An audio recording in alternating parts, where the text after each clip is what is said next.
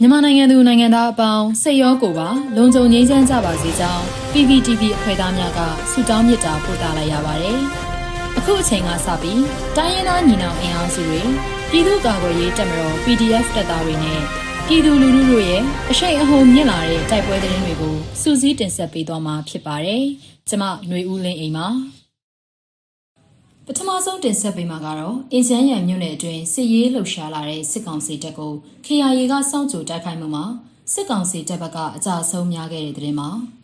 ကချင်ပြည်နယ်အင်ချမ်းရံမြို့နယ်အတွင်းစစ်ရေးလှုပ်ရှားလာတဲ့စစ်ကောင်စီတပ်ကိုနိုဝင်ဘာလ10ရက်ညနေပိုင်းမှာ KIA တပ်မဟာ1တပ်ရင်းလေးတပ်ဖွဲ့တွေကစောင့်ကြိုတိုက်ခိုက်လို့စစ်ကောင်စီတပ်ဘက်ကအကြဆုံးများကြောင်းကချင်သတင်းရင်းမြစ်ထံမှသိရှိရပါတယ်။ ယမန်နေ့ညနေ4နာရီအချိန်မှာ9မိုင်နဲ့6မိုင်ကြားမှာကချင်လွတ်လပ်ရေးတပ်မတော် KIA တပ်ရင်းလေးကစောင့်ကြိုတိုက်ခိုက်ခဲ့ကြောင်း KIA ကလက်ဦးမှုရယူနိုင်ခဲ့တာကြောင့်စစ်ကောင်စီတပ်ဘက်ကအကြအဆုံးများကြောင်းကချင်သတင်းရင်းမြစ်ကပြောတာပါအင်ဂျန်ရံမြို့နယ်မှာစစ်ကောင်စီတပ်ဖွဲ့တွေစစ်ရင်အားအများအပြားတိုးချဲ့လာတာကြောင့်ကချင်လွတ်လပ်ရေးတပ်မတော် KIA ကအင်ဂျန်ရံလမ်းမကြီးကိုနိုဝင်ဘာလအစမှစတင်ပြီးပိတ်ဆို့ထားခဲ့ကြောင်း KIA နဲ့နှိစက်တဲ့သတင်းရင်းမြစ်ထံမှသိရှိရပါတယ်။ အဆိုပါနယ်မြေဟာကချင်လွတ်လပ်ရေးတပ်မတော် KIA တပ်မဟာ1ထိန်းချုပ်ရာနယ်မြေလည်းဖြစ်ပါတယ်။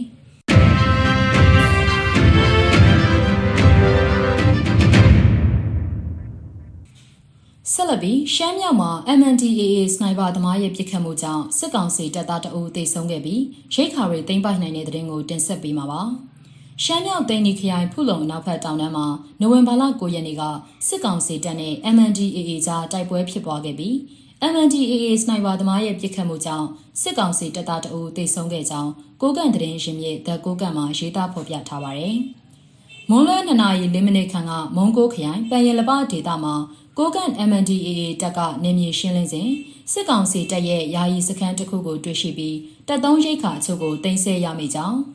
အဆိုပါစခန်းဟာတပ်မကိုကိုလက်အောက်ခံတပ်ရင်းတရကိုတပ်ရင်း133တို့က ကိုကန့်ဒေတာမှာထိုးစစ်ဆင်နေစဉ်ဆောက်လုပ်ခဲ့တဲ့စခန်းဖြစ်ကြောင်းသိရှိရပါတယ်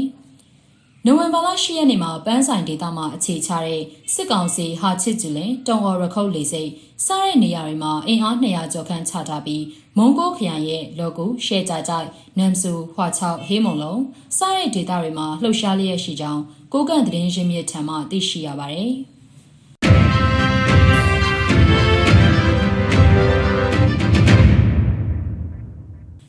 ဆက်လက်ပြီးကျိုးပင်ကောက်စစ်ဆေးရေးကိပြစ်ခတ်ခံရပြီးဒူရဲအုပ်တူဒဏ်ရာရတဲ့တဲ့ရင်ကိုတင်ဆက်ပေးမှာပါ။ကျိုးပင်ကောက်မြို့နယ်အတွင်းရန်ကုန်ပြည်ကားလမ်းမပေါ်ကစစ်ဆေးရေးကိတစ်ခုကိုဒီကနေ့နိုဝင်ဘာ17ရက်နေ့နံနက်ပိုင်းမှာဒေသကာကွယ်ရေးတပ်တွေဘက်ကဝင်ရောက်ပြစ်ခတ်ခဲ့တယ်လို့ဒေသကာကွယ်ရေးတပ်တွေကသတင်းထုတ်ပြန်လာပါတယ်။ဒီပြစ်ခတ်မှုကြောင့်စစ်စေးရေးဂိမ်းမှာရှိနေတဲ့ဒူရဲအုပ်တူအပြင်းထန်ဒဏ်ရာရခဲ့ပြီးပြည်စည်းရုံကြီးကိုပို့ဆောင်ထားရတယ်လို့ဒေတာရင်းသတင်းတွေကဖော်ပြထားပါတယ်။ ပြစ်ခတ်မှုဖြစ်ခဲ့တဲ့ဒီစစ်ဆေးရေးဂိတ်ကိုတော့ပထမတစ်ချိန်ဘုံခွဲတိုက်ခိုက်မှုပြုလုပ်ခဲ့ပြီးအခုတစ်ချိန်မှာတော့ပြစ်ခတ်ခဲ့တာဖြစ်တယ်လို့ကျိုးပင်ကောင်းမြို့နယ်ပြည်သူ့ကာကွယ်ရေးတပ်ဖွဲ့ရဲ့ထုတ်ပြန်ချက်အရသိရှိရပါတယ်။ပြီးခဲ့တဲ့နိုဝင်ဘာ9ရက်နေ့မှာလည်းရန်ကုန်မန္တလေးအမြန်လမ်းမပေါ်မှာရှိတဲ့ဇဟားလုံခြုံရေးရဲကင်းကိုဒေသခံ PDF တွေဝင်ရောက်ပစ်ခတ်ခဲ့ပြီးရဲတပ်သား9ဦးသေဆုံးခဲ့ပါတယ်။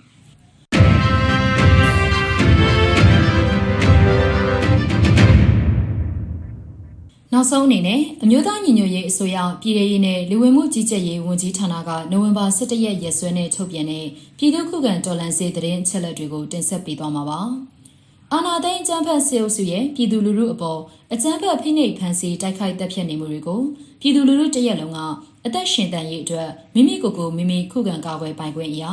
ပြည်သူခုခံစစ် People's Defensive War ကိုဆင်နွှဲလျက်ရှိပါတယ်။ တရင်ချက်လက်တွေအရ10ရက်17လ2021ရက်နေ့မှာရန်သူစစ်ရေးပြစ်မှတ်17နေရာ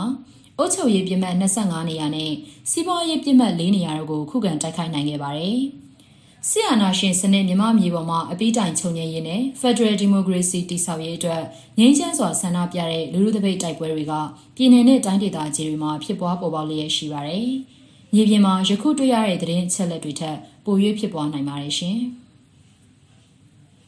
ရေတော်ဘုံအောင်ရမည်ရေတော်ဘုံအောင်ရမည်